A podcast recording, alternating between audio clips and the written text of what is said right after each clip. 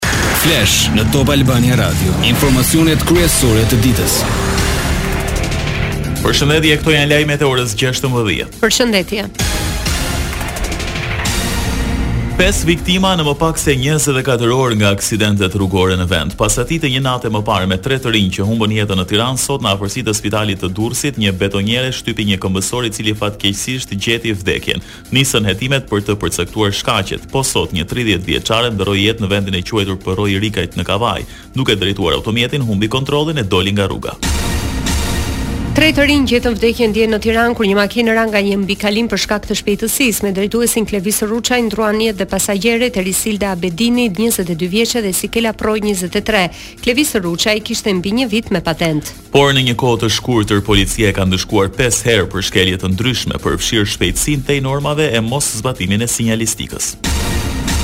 Nga matjet e ekspertëve në terren rezultoi se Audi udhëtonte me një shpejtësi mbi 200 kilometra në orë dhe shenjat e para të frenimit i dha vetëm 27 metra larg rrotullimit. Edhe më herët e njëjta zonë njihet për probleme sa i përket aksidenteve me pasoja kryesisht të mjeteve që udhëtonin nga Elbasani për në Tiranë.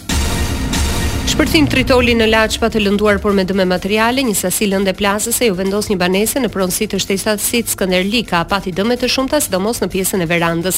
Grupi hetimor vijon punën për zbardhjen e ngjarjes, identifikimin dhe kapjen e autorëve. Lajmet në internet në adresën www.topalbaniaradio.com. Sot në një dalje për mediat pas takimit që pati në Selinë Blu me Ilir Metën, Sali Berisha tregoi planet për koalicionin. Në rrafshin politik do të jetë një spektër i gjerë koalicioni, rrafshin politik. Në rrafshin elektoral janë duke u marrë specialistët e të drejtës zgjedhore me këtë çështje dhe kodit zgjedhor. Ndërkaq, Partia Demokratike e Alibeajt ka edhe njëzet e katër orë afat sipas Komisionit Qendror të Zgjedhjeve që të plotësojë dokumentat me firmën e saktë të Lulzim Bashës, sipas ligjit i njohur si kryetar që të regjistrohet në zgjedhjet vendore të katërmbëdhjetë majit.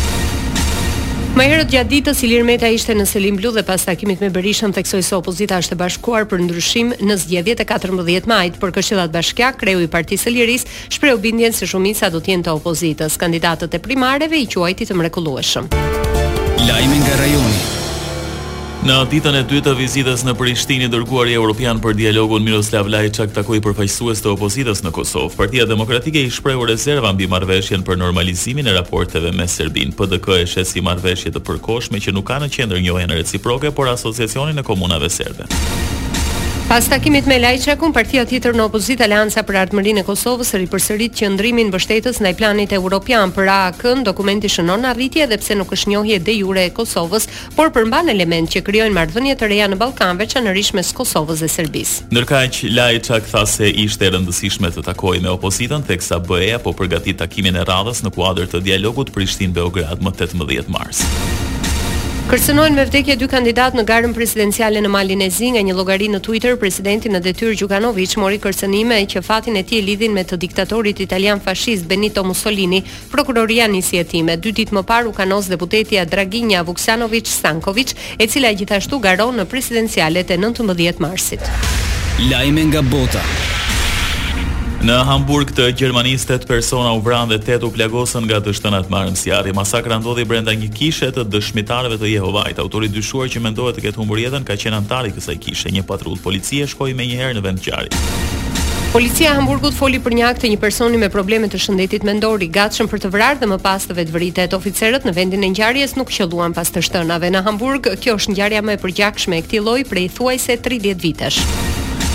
Nuk ndalen flukset e emigrantëve të paligjshëm në Mesdhe, Alarm Phone që merr kërkesa për shpëtimin në det është në kontakt me rreth pesëqind persona që lundrojnë në një varkë me refugjatë të larguar nga Libia me shpresën për të shkuar në një vend të Bashkimit Evropian. Italia përbën ndalesën e parë.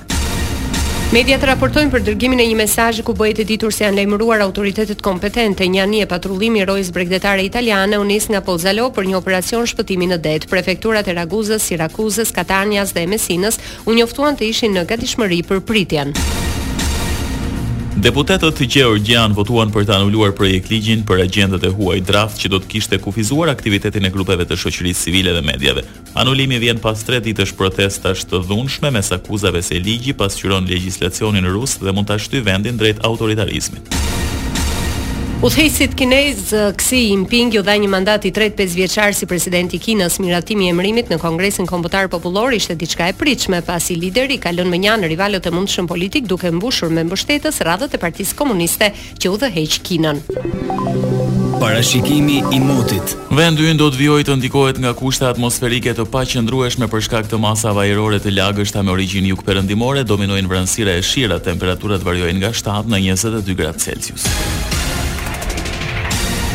Dëgjuat një përmbledhje të zhvillimeve kryesore të ditës. Edicioni informativ i radhës është në orën 17. Unë jam Doriana Lato. Unë jam Edi Hallaçi. Kjo është Top Albania Radio.